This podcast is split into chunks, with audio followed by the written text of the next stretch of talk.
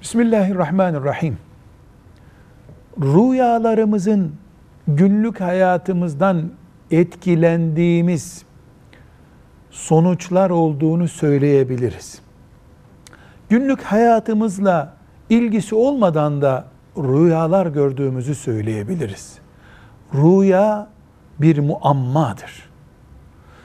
Müslüman rüyalarıyla hayatını yönlendirmemeli, rüyalarından dolayı da hayata küsmemelidir.